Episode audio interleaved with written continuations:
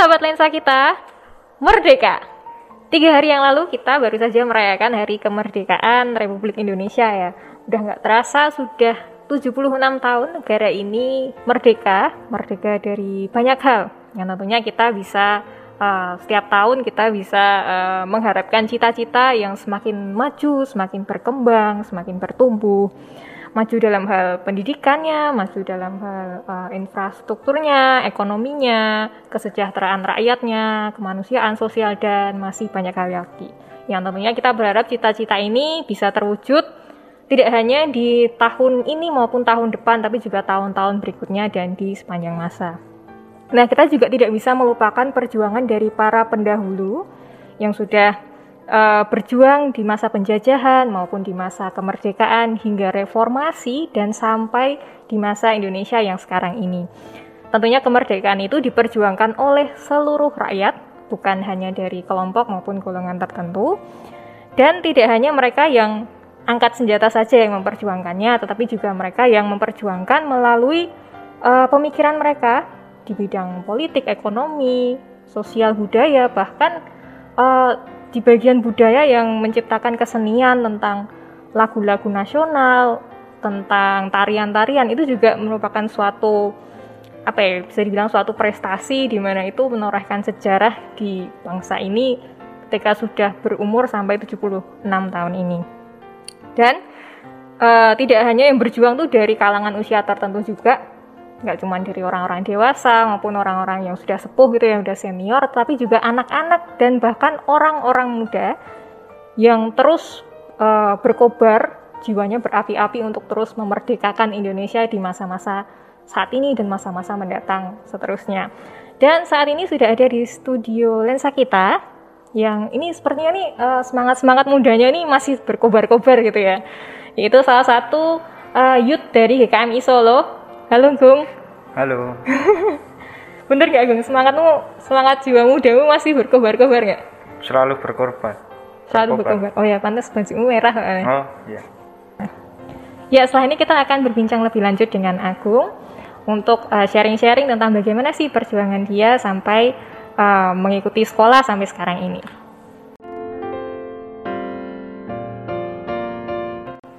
Nah, Gung, ketika kita merayakan Hari Kemerdekaan Indonesia itu kan merupakan suatu rutinitas ya kita kan merayakan ya. setiap tahun bahkan di sekolah pun kan kita uh, itu juga tanggal 17 pagi kita harus ya, datang ke sekolah upacara. harus dijemur upacara panas-panas gitu kan tapi tapi kan habis itu libur ya. gitu bahagia terus juga di setiap tanggal 17 Agustus itu adalah momen di mana kita bisa dapat diskonan dapat diskonan dapat promo ya, ya. atau kemarin kemarin dapat promo kan ya terus juga uh, apa sih kayak pesta rakyat kayak uh, apa ya di kampung-kampung yeah. ataupun di sekolah kan ada lomba makan kerupuk bareng karo terus ada malam tirakatan juga yeah. itu kan suatu apa ya suatu perayaan kan emang harus ada pestanya harus yeah, ada betul. yang huru haranya yang meriah-meriahnya yeah. nah tapi kan dua tahun ini kita di situasi pandemi kita kayak udah nggak bisa kayak gitu lagi semuanya yeah. serba online nah kalau uh, merayakan hari kemerdekaan versimu tuh selama ini tuh kayak gimana bu? Menurut pengalamanmu bahkan yang di dua tahun terakhir ini.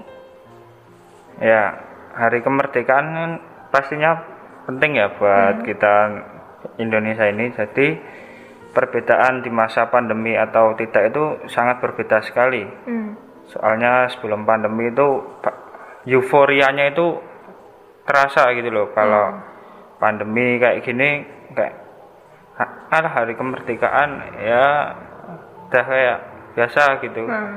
ya karena sebelum pandemi itu kan ada banyak acara kayak saya jadi kayak penggerak di kampung gitu kayak hmm. mengadakan lomba-lomba jadi kayak kayak rasanya beda gitu hmm.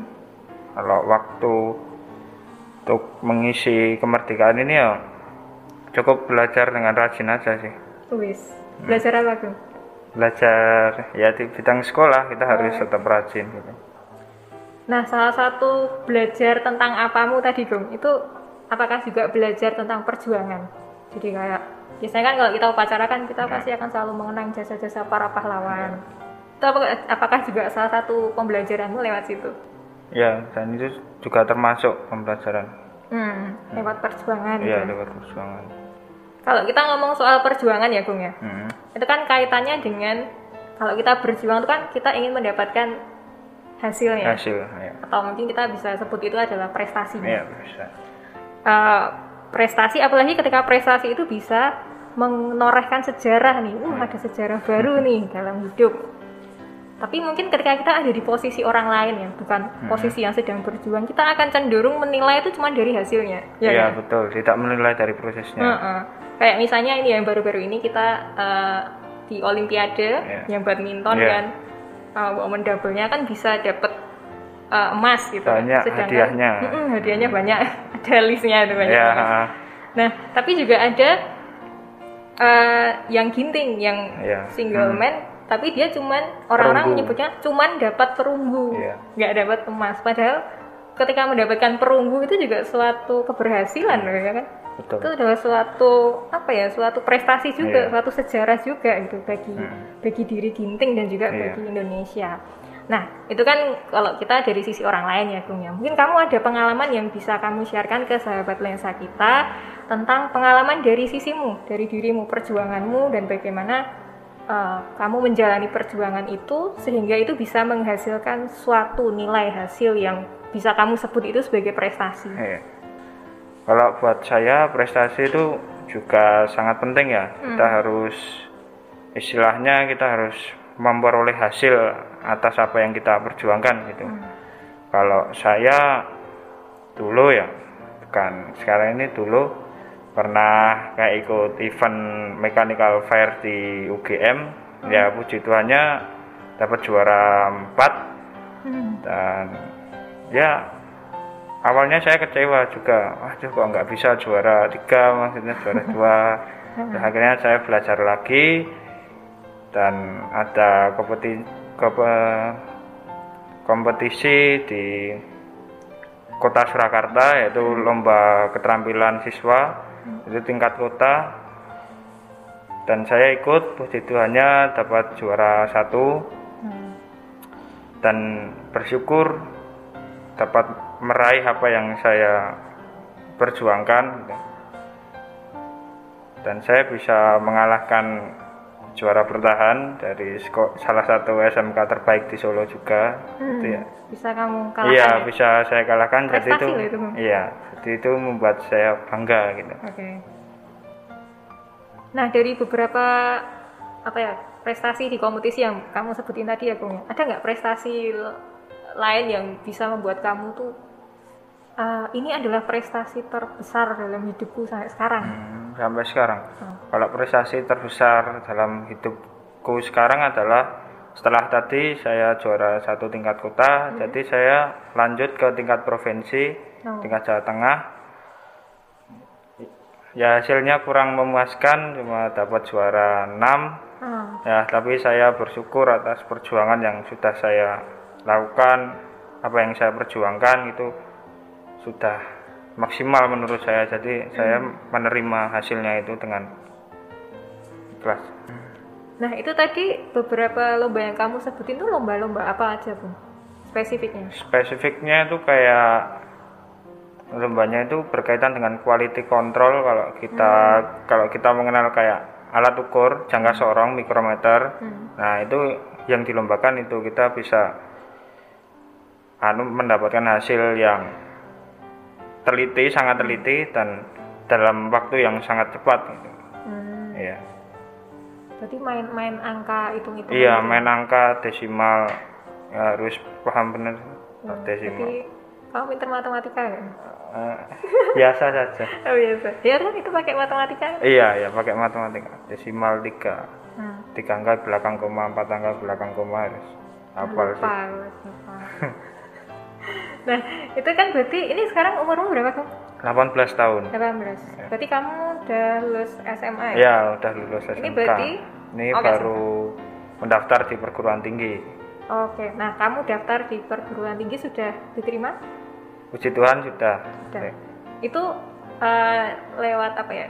Jalur prestasi dari prestasimu sebelumnya atau mandiri kayak gitu? Hmm, Kalau saya ngambil yang ju- yang jalur prestasi Hmm. dan puji Tuhannya dapat beasiswa Oh. dan sama sekali tak membayar biaya untuk kuliah. Oh, beasiswa aku berarti ya? Iya, Di mana, Gung? di ATW Solo Baru, Singkatan apa itu? Ate- a- Akademi Teknologi Warga Solo Baru, Itu jurusan apa? jurusan Teknik Mesin. Teknik mesin. Iya. Sip, sip, sip, sip. Wah, itu prestasi ya, iya, Itu itu berarti eh, kamu dapat jalur prestasi dari kompetisimu kemarin itu? iya. Sip, sip, sip. Nah, selama kamu mengikuti beberapa kompetisi itu ya, Gung ya, Iya. itu kan pasti ada tantangan, ada kesulitan yang kamu hadapi. Eh, pernah nggak kamu mikirkan sampai, udahlah aku nyerah aja. Bahkan sebelum kamu mulai ikut kompetisi Iya. atau di tengah-tengah atau mungkin udah waktunya udah mau selesai, kamu Iya. akhirnya mau, oh bisa aku nyerah wae gitu. Kamu pernah nggak mikir gitu? Kalau tantangan sih itu dalam diri kita ya sebenarnya. Kalau saya pribadi tantangan yang menurut saya paling besar adalah rasa malas karena saya termasuk orang yang malas tapi harus tetap semangat seperti itu. Itu perjuangan juga. Iya, ya? itu perjuangan mengalahkan rasa malas. mengalahkan diri sendiri Iya. itu perjuangan. Tapi akhirnya kamu bisa mengalahkan ya. Iya. Dan rasa ingin menyerah pasti ada ya kalau rasa ingin menyerah. Tapi saya selalu mengubah mindset saya untuk keajaiban itu tidak akan terjadi bila kita di zona nyaman terus. Jadi kalau kita cuma malas-malasan, kita ya juga nggak upgrade gitu. Nah, ada nggak Gung tips untuk teman-teman sebayamu terutama generasi Z ini gimana sih caranya supaya eh, kita tuh harus pantang menyerah gitu loh kalau kita menghadapi masalah pun kita juga harus jangan menyerah lah ini adalah sebuah proses Iya, iya. Kalau menurut saya ya, kalau anak muda itu harus berani mencoba ya. Hmm. Mencoba apa yang hal baru kita harus coba. Jikalau kita nanti gagal atau nggak berhasil di tengah jalan, tetap mau berusaha lagi gitu. Karena di Indonesia ini butuh anak-anak muda yang mempunyai kayak kemauan atau kemampuan untuk berusaha sampai berhasil gitu sih kalau menurutku. Jadi Asalkan- pantang menyerah aja. Oh iya. Nah, kalian akan sampai di tujuan yang kalian perjuangkan itu. Entah kapan.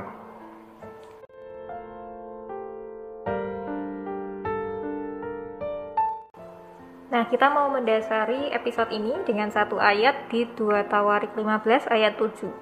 Tetapi kamu ini kuatkanlah hatimu, jangan lemah semangatmu karena ada upah bagi usahamu. Nah, ini kan ada kata-kata upah ya, Bung. Iya, betul. Jadi bisa nyambung nih Bisa, sama iya. perbincangan kita tadi. Tanggapanmu soal ayat ini gimana, Bung?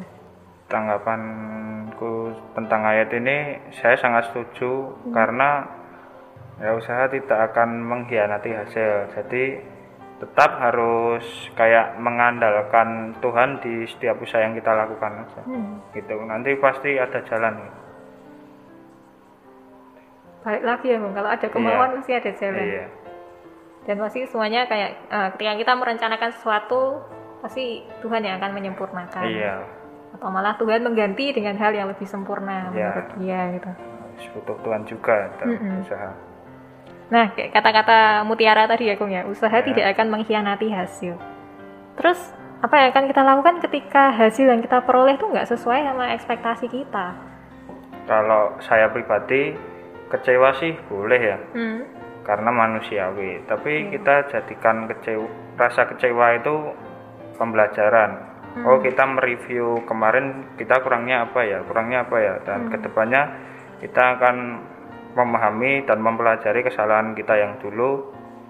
Dan kalau kita menghadapi sesuatu lagi, ya tidak melakukan kesalahan yang sama seperti itu. Jangan sampai keulang lagi. Iya, jangan sampai keulang lagi. Kita harus belajar dari pengalaman. Tapi kamu pernah nggak, Gung? Eh, ketika kamu berusaha semaksimal mungkin versimu, hasil yang kamu dapetin itu wah nggak sesuai ataupun menurutmu itu adalah sebuah kegagalan gitu. Kalau saya sih pernah, misalkan saya udah usaha sedemikian rupa terus kayak nggak sesuai ekspektasi, jadi saya juga kecewa. Terus saya berdoa sama Tuhan kayak Tuhan itu sudah menyiapkan hal yang lebih baik dari itu yang kita perjuangkan itu. Ternyata dan saya sudah mengalami itu dari mulai gagal nggak dapat juara gitu. Terus akhirnya Tuhan menyiapkan juara buat- yang lain. Ya juara yang lain. Terus Tuhan menyiapkan sekolah buat saya perguruan tinggi dengan jalur prestasi ini kan kita nggak expect ini bakal ada gitu. Kalau dari orang-orang di sekitarmu Bung, dari Ya. keluarga ketika ka- kamu mengalami sebuah kegagalan ya, apa reaksi mereka? Ya pastinya ya support ya. Jadi kayak ya enggak apa-apa kalau gagal terus ke depannya kita harus berusaha lagi gitu. Karena masih banyak kegagalan yang belum saya coba gitu. Hmm, siap berarti ya? Siap Siap. siap mencoba Siap. kegagalan yang lain siap. Siap semangat. Nah kalau dari teman-temanmu Gong adakah reaksi mereka ketika uh, mereka tahu kamu ikut kompetisi kayak gini bahkan menang lomba atau mungkin kamu uh, juara yang kamu dapatkan itu nggak sesuai sama ekspektasimu atau Wah. komunitasmu Kalau teman sih nggak ada yang support ya, cuma keluarga saja. malah pengen menjatuhkan iya, malah teman itu malah cenderung kayak ngejudge gitu, Oh. kayak nggak sesuai ekspektasi. Terus mereka yang kayak, alah apa gitu. kandani toh Iya, tapi nek misalnya kamu me- nggak apa ya kamu kayak juara satu tadi Iya, terus reaksi temenmu gimana ya reaksi teman saya juga kayak malah nggak nggak percaya gitu dengan anu, ah masuk seorang agung bisa kayak juara kayak gini. meremehkan ya Ya, ya meremehkan. Kita buktikan aja gitu. nah nek kamu kayak gitu ke temenmu gimana Gung? temenmu lagi lomba dia dapat juara satu apa Iya. yang akan kamu lakukan Ya kalau saya sih pasti ya juga akan melakukan hal sama. lomba doain Iya.